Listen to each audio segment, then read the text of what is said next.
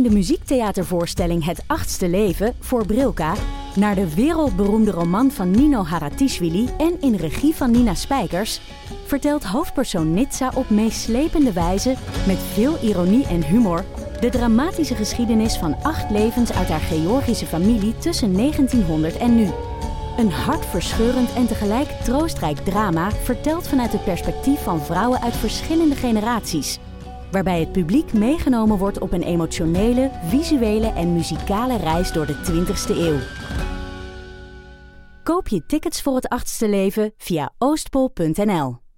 Wilskracht is eigenlijk zelfs maar een heel klein onderdeeltje van wat je nodig hebt om in gewicht uh, omlaag te gaan. Ja, ik wou eigenlijk bijna zeggen dat is hoopvol, want ik heb niet zoveel wilskracht. maar misschien, nou, toen ik het boek uit had, dacht ik. Uh, wat is het dan? Wat heb je nodig? Ik ben Hanneke Hendricks en samen met Nienke de Jong moeder van Janne van 6, Abe van 4 en Kees van 1, Alex van der Hulst, vader van René van 10 en Jaren van 6, en Anne Jansens, vader van Julius van 5 en Doenja van 2, maak ik Ik Ken Iemand Die. Een podcast over ouders, kinderen, opvoeden en al het moois en lelijks dat daarbij komt kijken. Maar vandaag ben ik te gast in Rotterdam, uh, bij Erika van den Akker. Uh, we zitten buiten in de tuin van het Sophia Kinderziekenhuis. Uh, en wat u hoort zijn vogels, kinderen, af en toe een straaljager, er ruist een boom, er is een, ergens een airco die aanstaat. En op een gegeven moment komen er ook nog kinderen in dat andere speeltuintje en die gaan aan een muziekinstrument zitten. Maar ik heb een bingo kaart, kunt u downloaden op de website. Nee, schrapje. Laten we snel beginnen.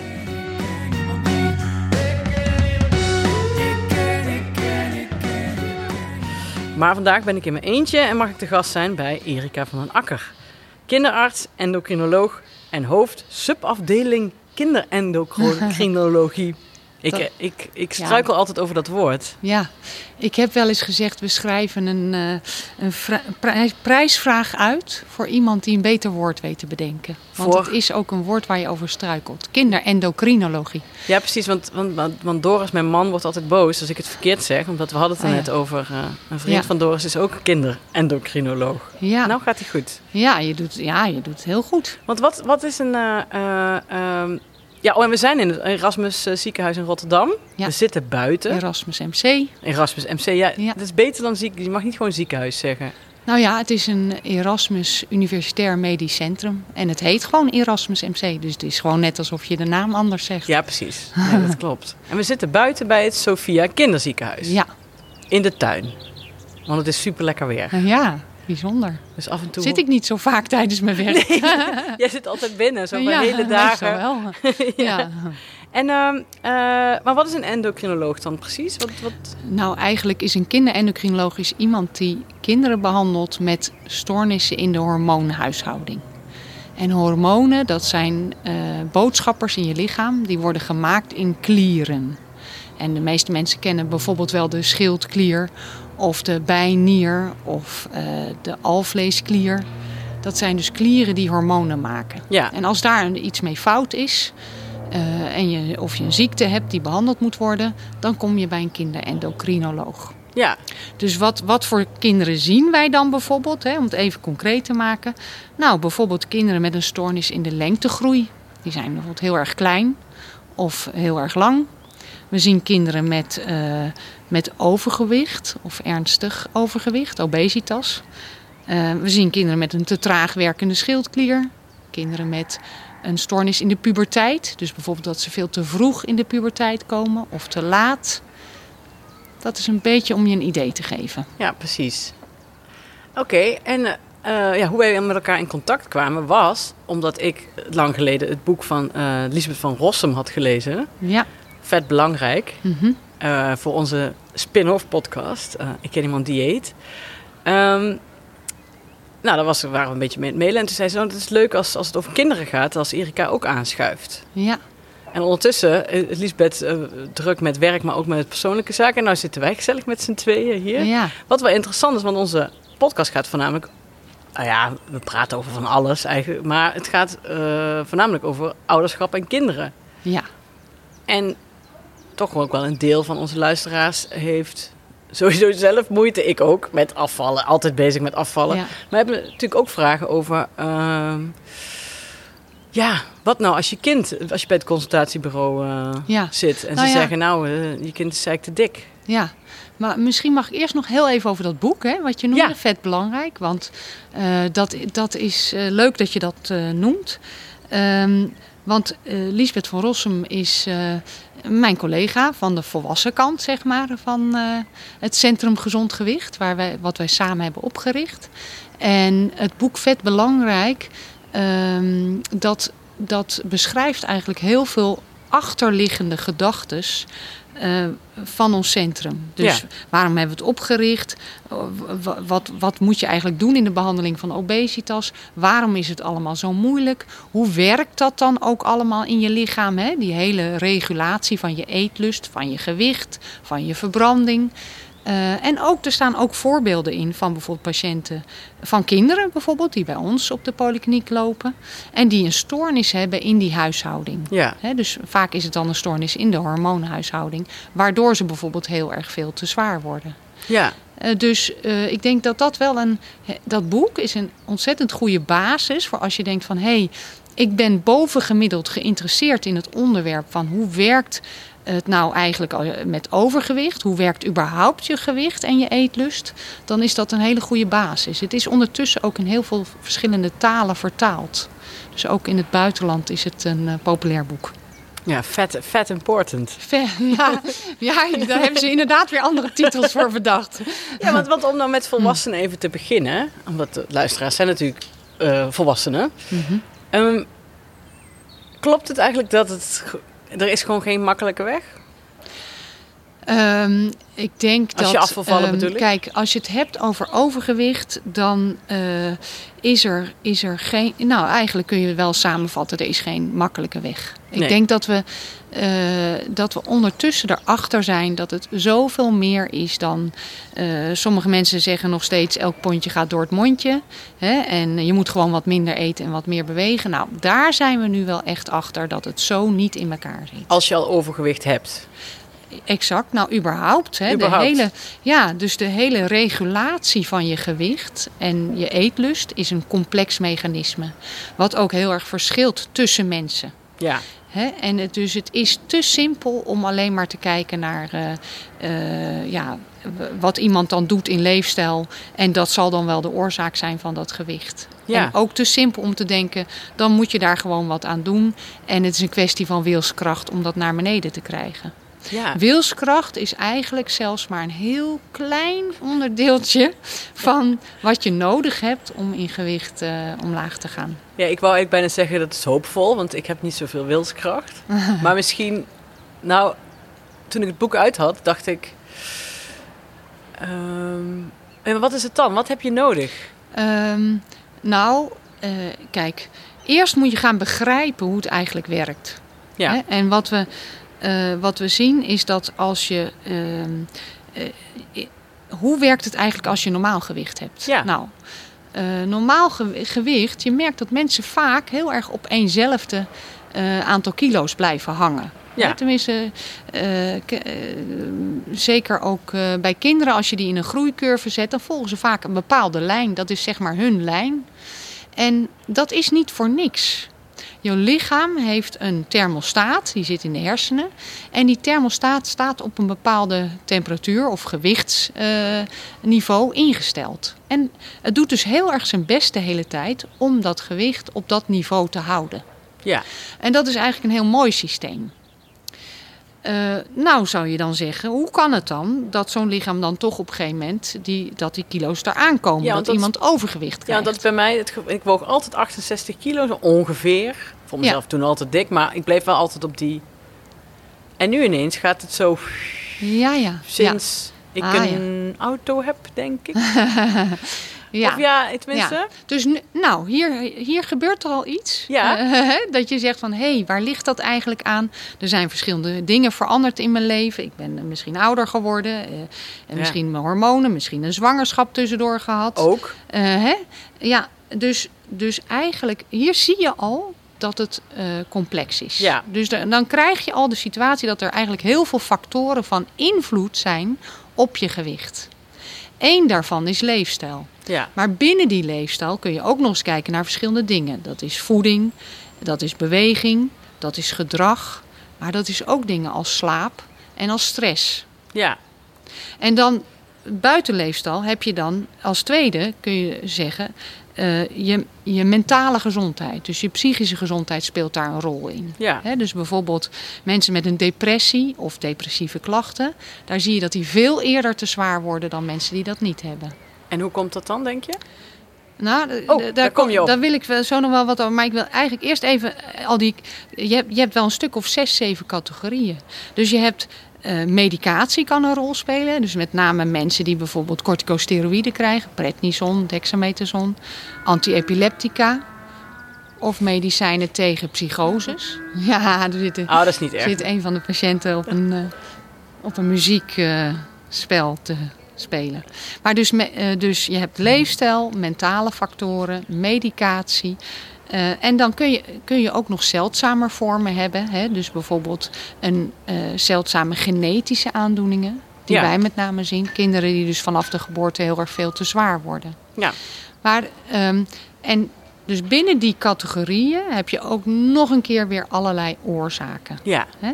Dus jij noemt al eh, bijvoorbeeld een zwangerschap. Dan gaan hormonen helemaal veranderen. Dus je, hè, je vrouwelijke hormoonniveaus gaan enorm omhoog. En na, nadat het kind geboren is, zakt het als een plumpudding weer in elkaar.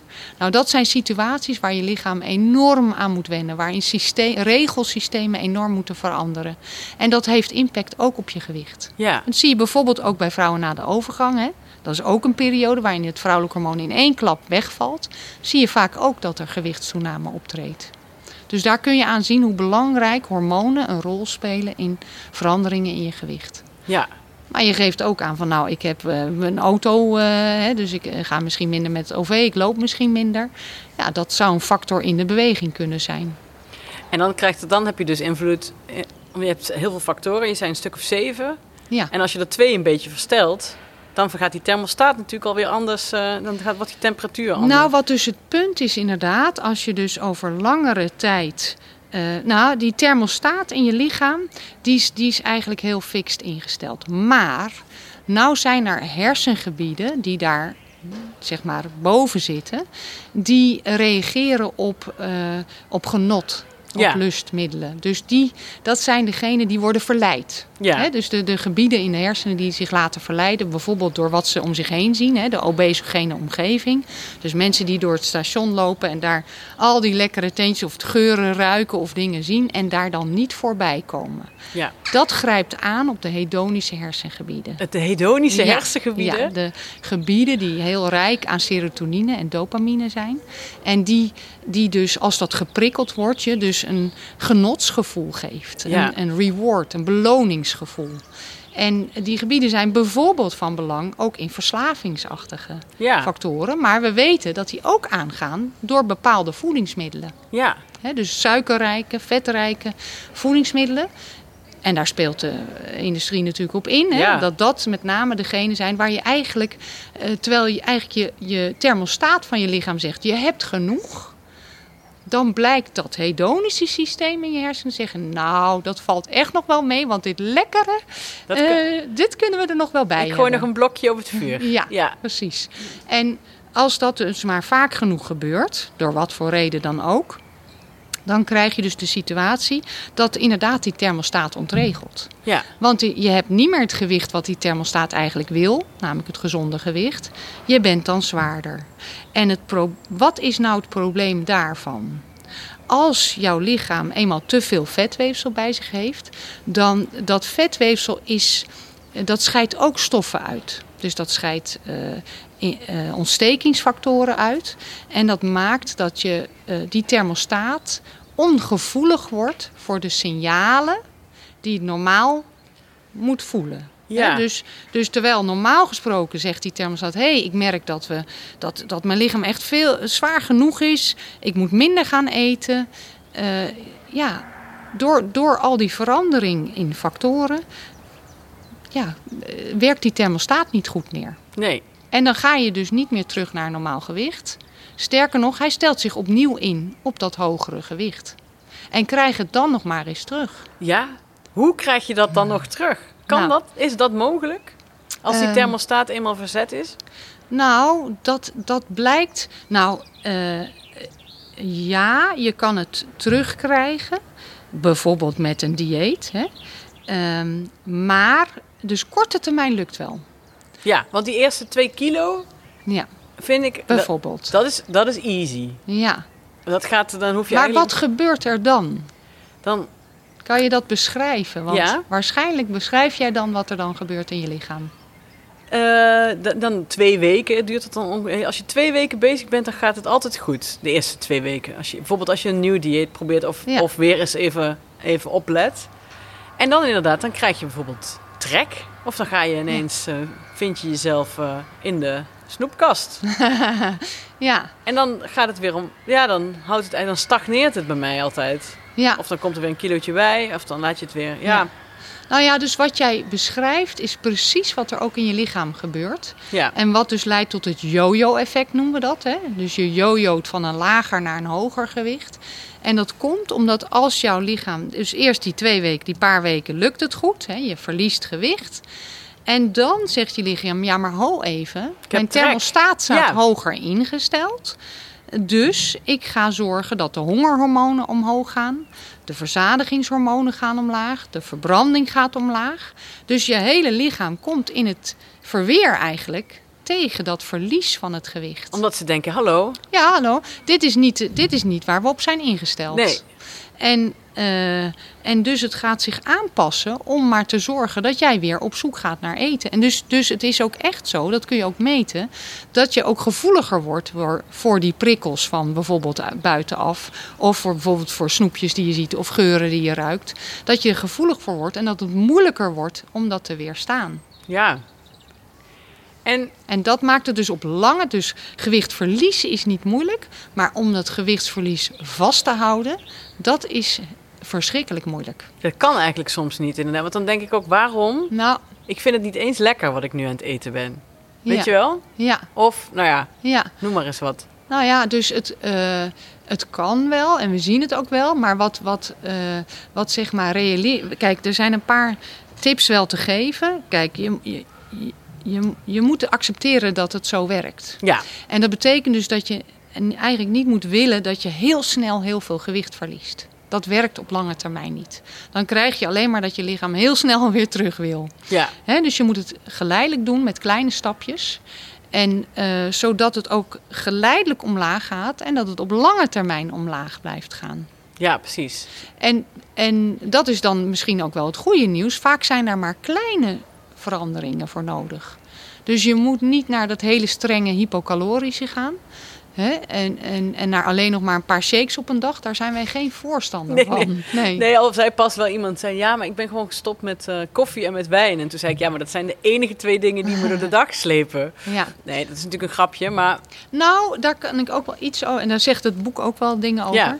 Kijk, wat, wat voor dieet moet je dan volgen? Ook daarvoor geldt, dat kan ik niet in een one-liner zeggen. nee. Waarom niet? Omdat het bij iedereen weer anders is. Ja, dus je hebt diëten die zeggen je moet minder koolhydraten, je moet minder vetten, eh, je paleo. eh, precies, ja. Er zijn eh, met, met intermittent fasting, dus er zijn allerlei verschillende diëten. En de grap is, als je, daar zijn ook wetenschappelijke onderzoeken van, van maakt dat nou uit? Hè, werkt het een nou beter dan het andere? Nou, wat je ziet is eigenlijk dat ze werken allemaal. Als je ze maar volhoudt. Ja, oké.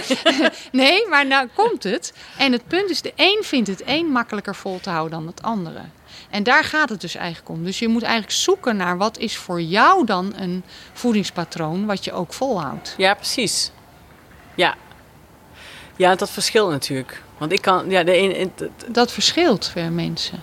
Ja. ja, Ehm, ja, en dat verschil tussen mensen, dat is dus iets wat maakt dat je ook in de behandeling van obesitas niet zomaar kan zeggen: eh, we hebben daar een programma voor, volg dat maar, klaar. ja, zo, want ik, ja, precies, mevrouw Hendricks, eh, eet u maar gewoon tot vijf uur 's middags niet en Ja, dan komt het allemaal wel goed. Ja, bijvoorbeeld.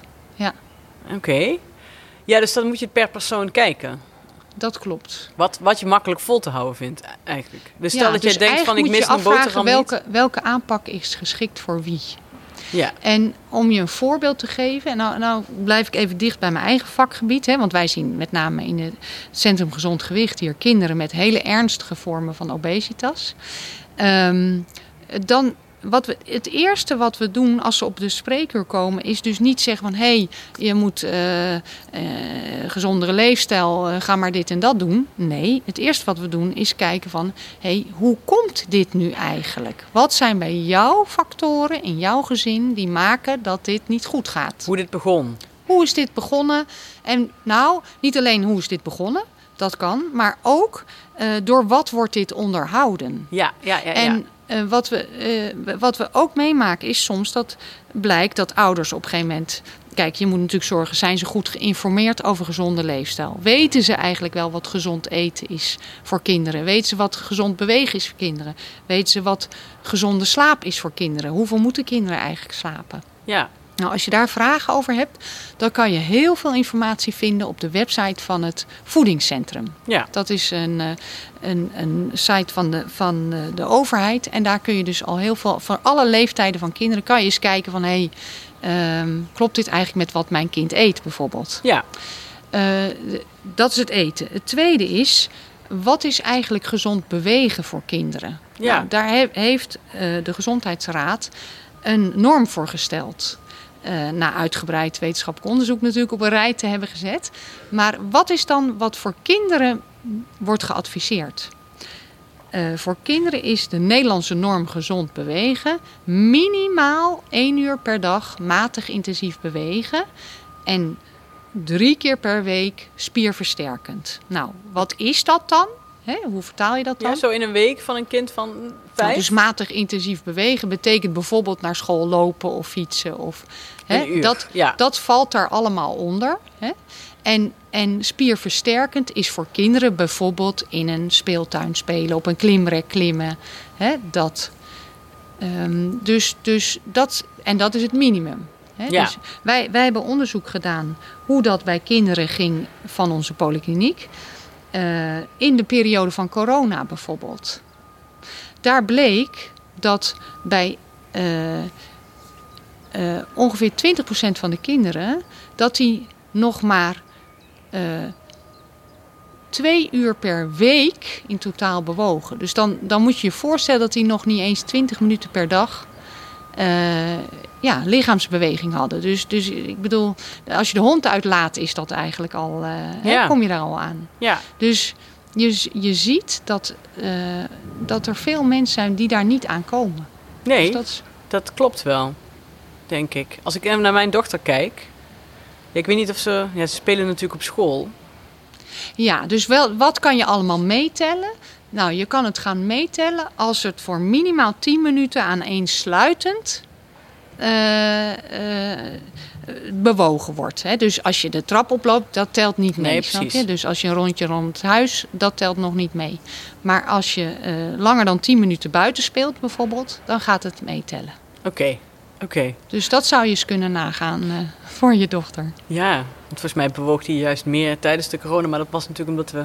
Ja, dat hebben we ook gezien. Dat er een klein deel van de kinderen ook juist wel meer ging bewegen. Dus we hadden het erover van... hé, hey, ehm, waarom is het nou zo moeilijk? En hoe moet je het dan wel aanpakken? Hè? Dus het, het is zo moeilijk dus omdat je lichaam daar allemaal regelsystemen voor heeft... die eigenlijk in de war zijn op het moment dat je te zwaar bent. Ja. Dat geldt voor kinderen ook. Dus Ja. als je eenmaal overgewicht of obesitas hebt... dan is het heel moeilijk om dat weer terug te krijgen. Dus eigenlijk is het allerbeste natuurlijk voorkomen. Ja, En we weten ook dat voorkomen het beste werkt. Hoe jonger je begint, ja, hoe beter het werkt. Want dus eigenlijk bij de allerjongste kinderen zou je al ja. eh, willen, willen beginnen. Want dat zeggen ze wel eens, als je als kind al overgewicht hebt, is het veel moeilijker om ervan af te komen dan als je op, als voor op volwassen leeftijd Ja, overgewicht en hebt. hoe langer dat overgewicht of die obesitas bestaat, hoe moeilijker het wordt. Oké. Ja, En bij kinderen dan, hè? wat is dan goede voeding? ja ehm, dus als je dat precies in detail wil weten, dan kun je het beste op voedingscentrum.nl eens een keertje kijken. Want dat maakt natuurlijk uit welke leeftijd je hebt. Een kind van één heeft een heel andere gezonde voeding dan een kind van vijf. Ja. Dus daar hangt het van af. Het hangt van leeftijd af. En het hangt natuurlijk ook van af hoeveel beweegt een kind. Dus eh, doet iemand heel intensief aan sport, ja of nee? Dan heeft iemand iets meer nodig dan iemand die dat niet doet.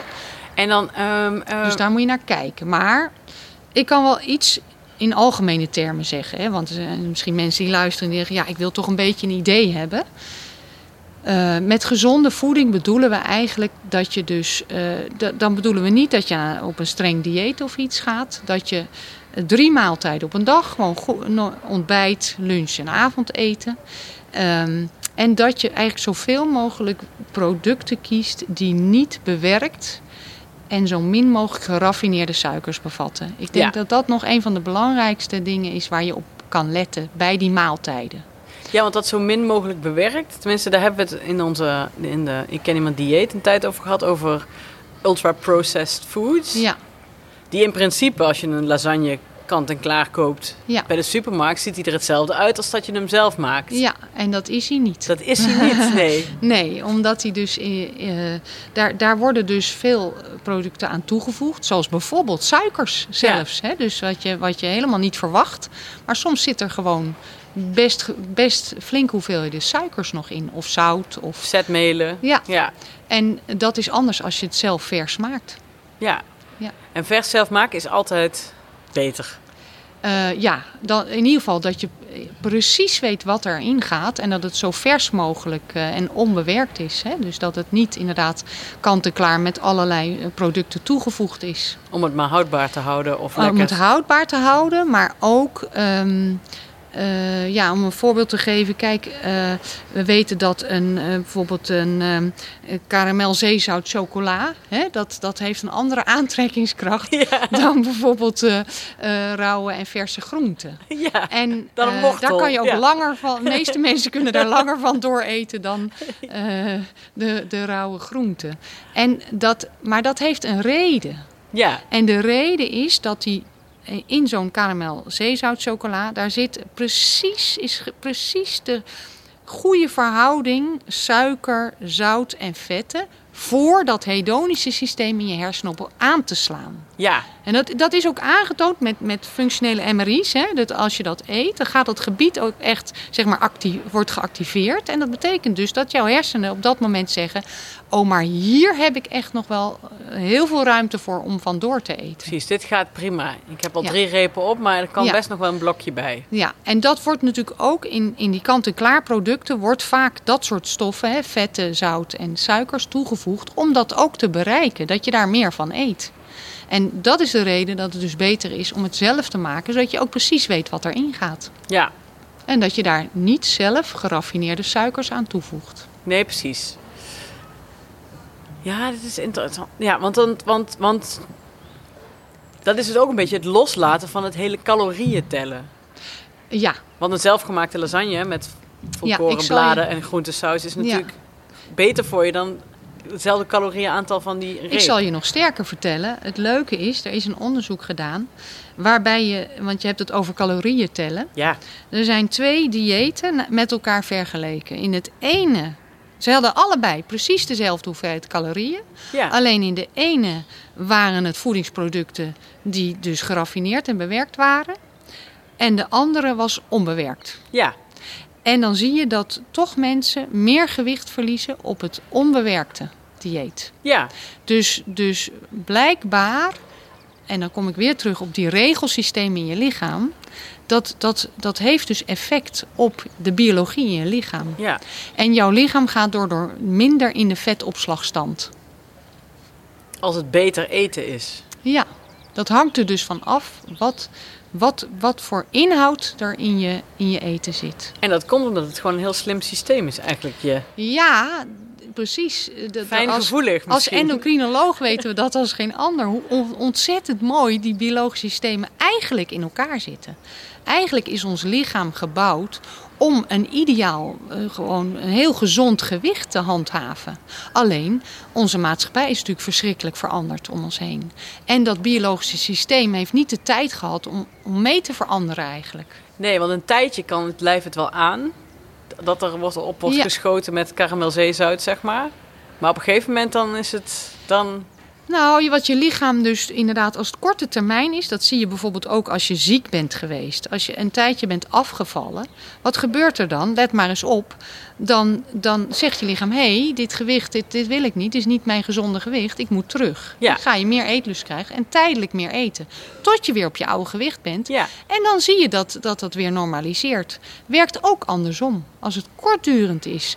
Als je bijvoorbeeld je reist, eh, hè, of in de zomervakantie, of, eh, hè, Ja. of met kerst. Je, je hebt een keer dat je je overeet. Hè, en, en je bent tijdelijk, kom je iets bij. Als je daarna weer je gewone leefstijl oppakt, dan, dan, dan gaat je lichaam weer terug naar het normale gewicht. Voor jou, het gezonde gewicht. Ja. Maar dat moet niet te lang duren.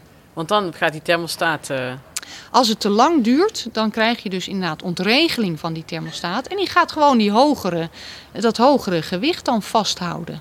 En hoe lang duurt het dan? Misschien is het een hele domme vraag hoor. Als je dan. Die ken ik niet. Nee, nou wacht maar. Ja, Nee, als je dan op, de, op dat lagere gewicht. Mensen, je probeert af te vallen en je probeert dat vol te houden. ja. Hoe lang duurt het dan voordat zo'n thermostaat zich weer lager afstelt? Duurt dat dan Ja. langer? Dan ja als het- dat, dat is dus helemaal juist geen domme vraag. Want dat is eigenlijk iets waar wetenschappers ontzettend naar op zoek zijn. Dat weten we nog niet. Ja, dat weten we. Het, het, het korte antwoord is, we weten het nog niet goed. Wat, wat er wel is gedaan tot nu toe, is er is wel tot een jaar na een dieet bijvoorbeeld gekeken van ja, hoe lang duurt het voordat een lichaam zich weer aanpast. Ja. Hè? Bijvoorbeeld als iemand een streng calo- eh, calorisch dieet heeft gedaan en je krijgt allemaal veranderingen in die hormonen. Hoe lang duurt dat dan voordat dat normaliseert? Nou, dat kan wel langer dan een jaar duren, weten we ondertussen. Dus Shit. dat is echt lang. ja, dat is heel. Dus, nou, ehm, dus, dus, en hoe lang precies, dat durf ik inderdaad niet te zeggen, ben ik ook benieuwd naar. Wat we wel weten is, één ding is heel belangrijk. Als je het doet, ga dan niet alleen minder eten. Nee. Maar ga vooral ook bewegen. Want we weten dat eh, voldoende spiermassa houden is ontzettend belangrijk om gezond te blijven. Ja.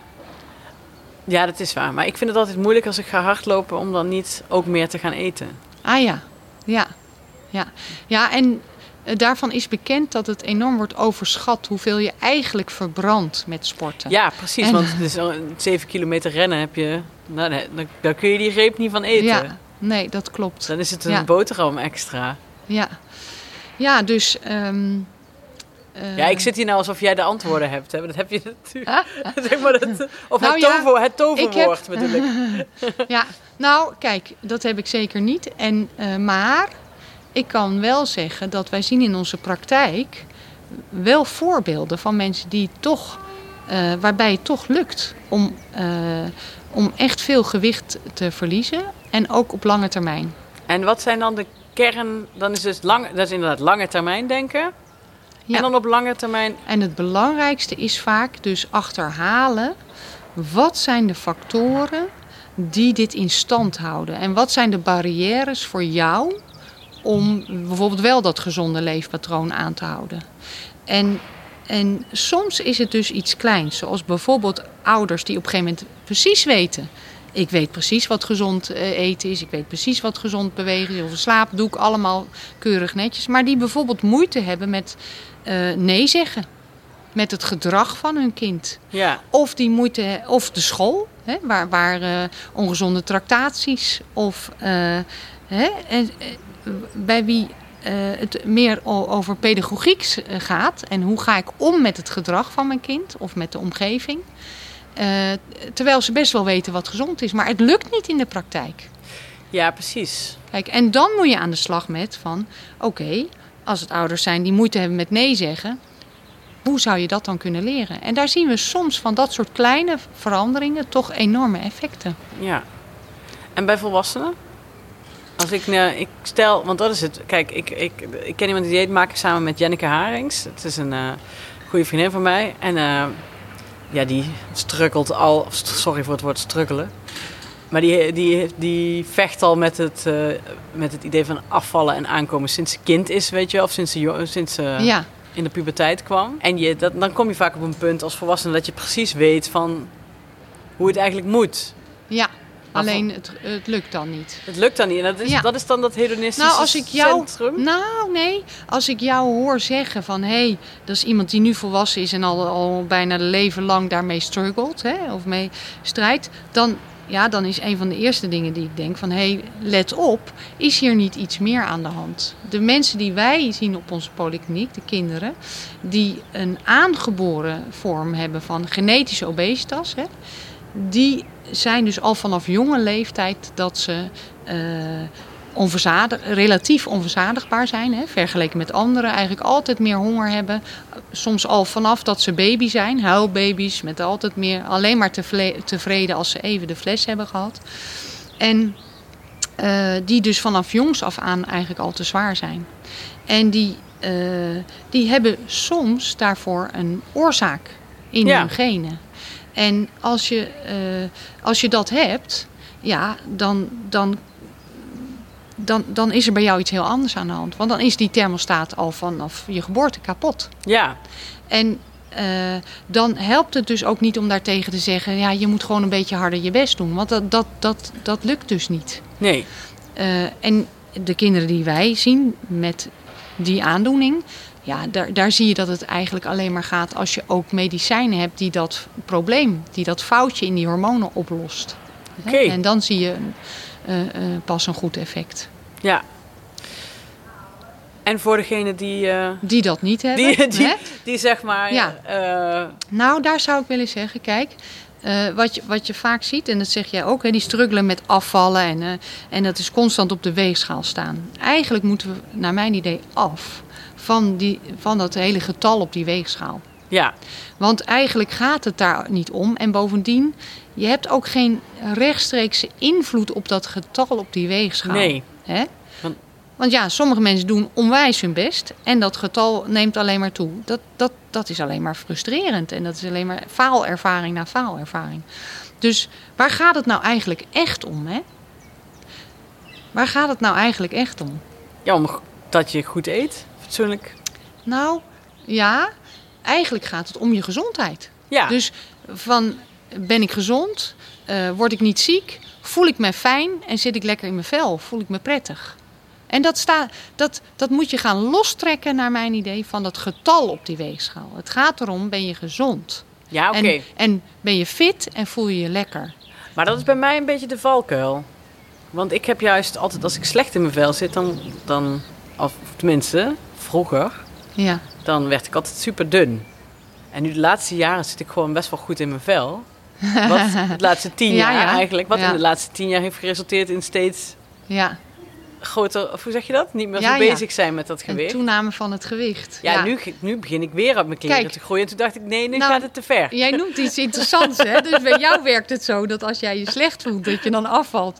En andere mensen hebben dat weer andersom. Ja, ja, ja Dat zeker. is, want eh, dat, dat, daar kan ik uren... Ik heb vroeger altijd achter de bar gestaan. Daar kon je uren gesprekken over hebben. Ja. Waar, wat voor type jij dan bent. Nee, nee, ik ga juist heel veel eten. Nee, ja, ik juist niet. Ja, Maar, maar dat is... dus- maar wat, eh, jij, wat je waarschijnlijk wel hebt, is dat je het lekkerste voelt als je gezond eet en gezond beweegt Ja, en goed slaapt. nee, Nee, maar, ja, zeker, ja. zeker, zeker. Want Maar- niet van de hele dag eh, van ongezond eten, dan word je echt...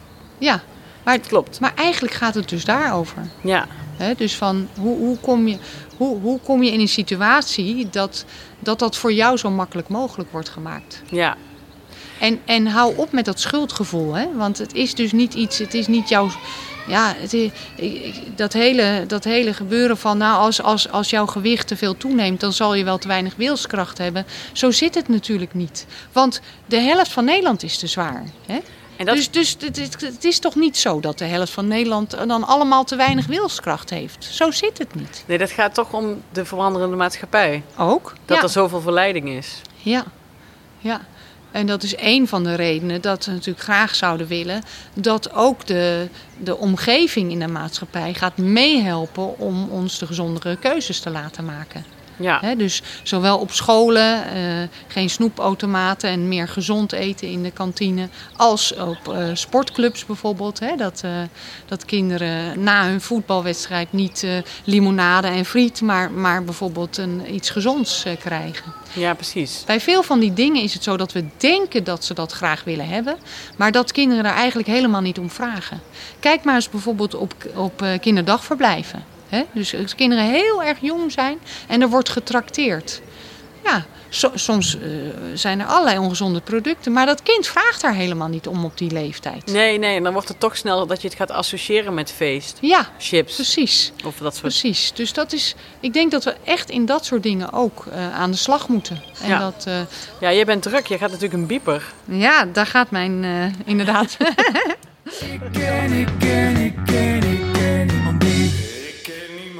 Ja, want daar zit denk ik wel iets in wat inderdaad maatschappij breed zou aangepast zou, zou moeten worden. Dat je dus inderdaad, dat het goedkoper is om voor je kind die bak met aardbeien te kopen dan Ja, die zak exact. snoep. Ja. Want eh, dat merk ik wel bij mijn dochter. Maakt het niet uit of je haar aardbeien geeft of frambozen of weet je wel, dat soort ja, lekkere, weet je wel, of, ja, of Haribo. ja. Dat, die twee vindt, dat vindt ze even lekker. Ja, precies. Ja, en dat is ook waarom we pleiten voor een suikertax bijvoorbeeld. Hè? Dat is Ja. een van de manieren om, het eh, ja, om het, de, de gezonde keuze goedkoper te maken dan de minder gezonde keuze. Ja, groente en fruit goedkoper misschien. Ja, ja. Maar dus wat je ziet is dat eh, er zijn Eigenlijk moeten we en-en. hè. Dus er zijn allerlei factoren in de maatschappij die je aan zou moeten pakken. Zowel binnen je gezin, eh, in je wijk, voldoende speelmogelijkheden, als op school. Ja. Hè? En, eh, en maar, en dat, dat moet dus voorkomen dat kinderen en ook volwassenen zwaarder worden.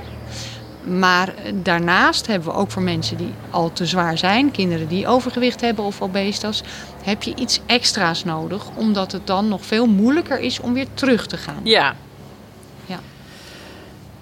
Dus, dus het is op, eigenlijk op, op alle vlakken de wind in de zeilen meezetten. En, en we moeten met z'n allen aan de bak om dit complexe probleem op te lossen. Ja, want het is wel echt een probleem. Het is een heel groot probleem om je een idee te geven. Het is wereldwijd ook nog steeds heel sterk aan het stijgen.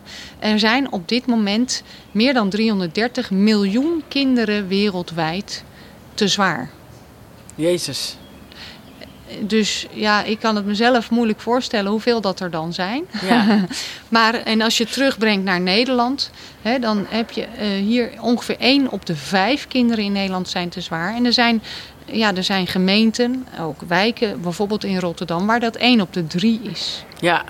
Ja, dat, dat, dat zijn zulke grote aantallen. En die zijn nog jong.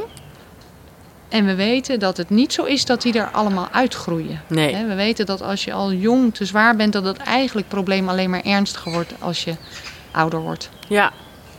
Ja, en dan over 40 jaar is dat natuurlijk weer een groot, nog een groter probleem. Nou, eh, ik, ben, ik kom net, zelf net terug van congres vorige week in Maastricht, de European Congress of Obesity.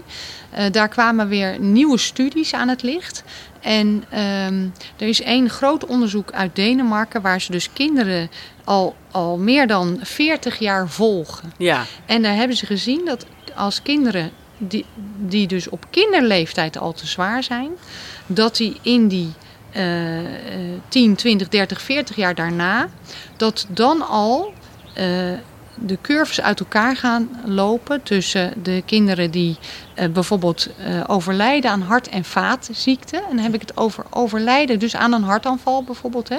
Dat, dat, dat, dat duurt geen 40 jaar. Dat is echt al binnen, binnen eh, op jong volwassen leeftijd. nee joh. Gaat dat verschil al optreden? Jeetje. Ja, dus dat, dat vond ik zelf ook heel indrukwekkend. Want we denken altijd, nou ja, dat duurt nog 40, heel erg lang. 50 en dan is het vroeg. Ja. Ja, en, en, en datzelfde geldt bijvoorbeeld voor leververvetting. Hè? Dat is iets dat zie je niet zo aan de buitenkant.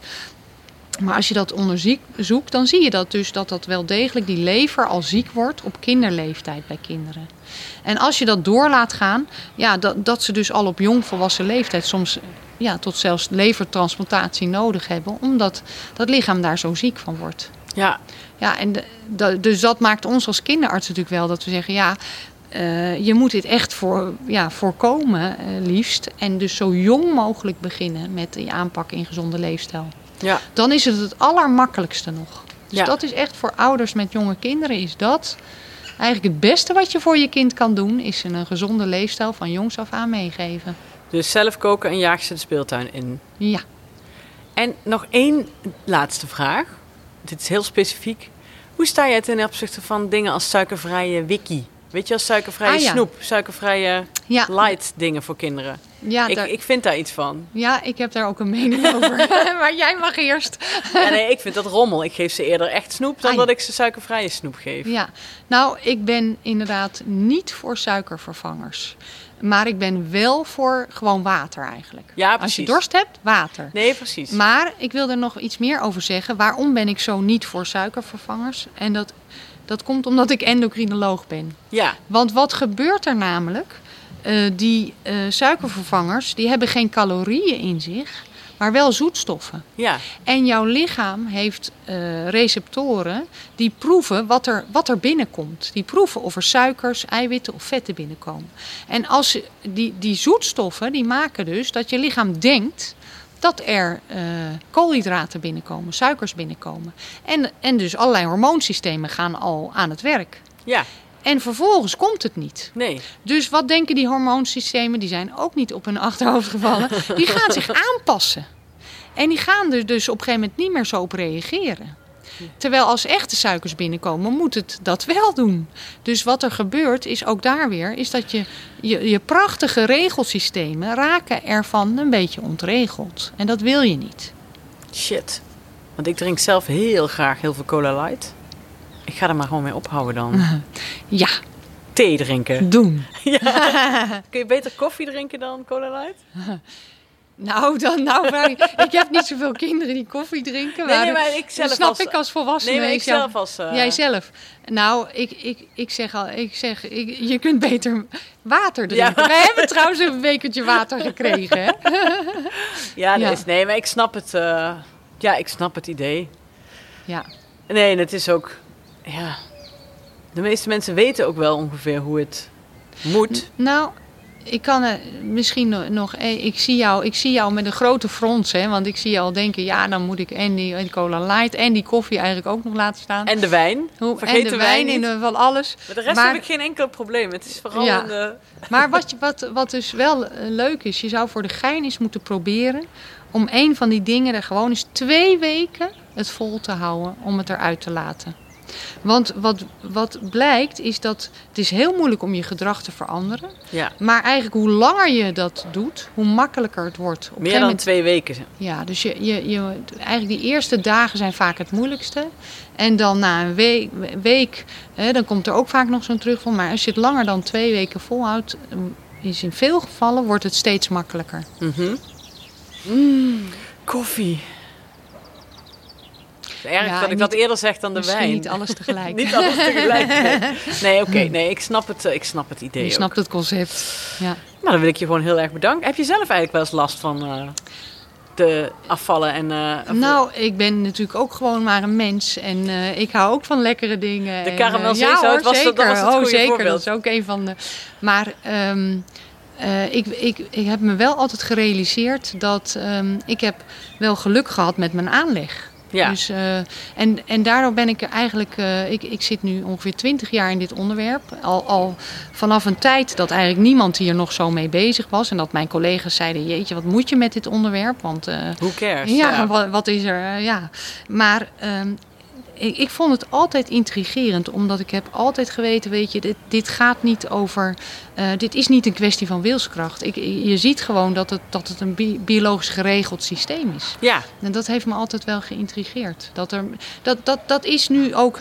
Daar, daar is, zijn nieuwe studies van, hè, dat, dat, die laten zien dat jouw aanleg voor een heel belangrijk deel eigenlijk verantwoordelijk is voor je gewicht. ja, Dus dat betekent niet dat we nu met z'n allen te zwaar zijn geworden omdat onze aanleg veranderd is. Maar dat betekent dat de een in dezelfde obesogene omgeving wel te zwaar wordt, terwijl de ander dat niet wordt. Ja. En hoe dat komt, Dat heeft met je aanleg te maken. Jeetje. En dus kijk maar eens om je heen. eh, en kijk maar eens naar je eigen kinderen. Het ene kind heeft ook meer eetlust dan de ander.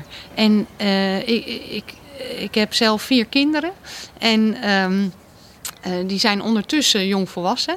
Maar ik weet, als, ik ze, eh, als ze naar school gingen, dan de, de een die vroeg al eh, s ochtends van wat eten we vanavond. En de andere, ja, die had er veel minder interesse in. Dus dat- ja, dat zi- zie je bij je eigen kinderen ook, die verschillen. Ja. Niet alleen in eetlust, maar ook in bouw van het lichaam. De een wordt makkelijker te zwaar dan de ander. Kijk, en dat verschil, dat heeft met je aanleg te maken. Tja. En daar kun je nog eigenlijk nog een hele podcastserie aan wijden, denk ik. Ja, Hoe dat Oh. werkt. hoe dat werkt, daar wordt ook steeds meer van bekend. En die genen, die regelen onder andere die hormoonsystemen en die gebieden in die hersenen. Nou. nee, maar super bedankt. Dit is echt heel interessant. Graag gedaan. En ik kom graag nog een keer terug als er een eh, Ja. sleutel is waarmee je je hedonistische systeem kunt eh, afsluiten. Ja, afgesproken. Oké. Dankjewel. Joe, Oké. Dit was hem alweer. Heel erg veel dank eh, aan het Erasmus UMC voor hun gastvrijheid. En natuurlijk aan Erika van der Akker voor het gesprek. Eh, dank aan mijn vaste tafelgenoten Alex van der Hulst, Nienke de Jong en Anne Janssens. Eh, de productie is in handen van Anne Janssens. De montage van deze aflevering heb ik gedaan. Dus als je klachten hebt, mag je naar Anne Janssens. Mocht je ons weten... Sorry. Mocht je ons iets willen vertellen, heb je een tip of een vraag of een opmerking, kom dan naar onze Vriend van de Show pagina. Voor een klein bedrag kun je vriend van de show worden, waardoor je ons de gelegenheid geeft om nog meer mooie afleveringen te maken. Op Twitter heten we @ikkenniemandie en ons mailadres is ik@dagenacht.nl. Dankjewel voor het luisteren en tot de volgende.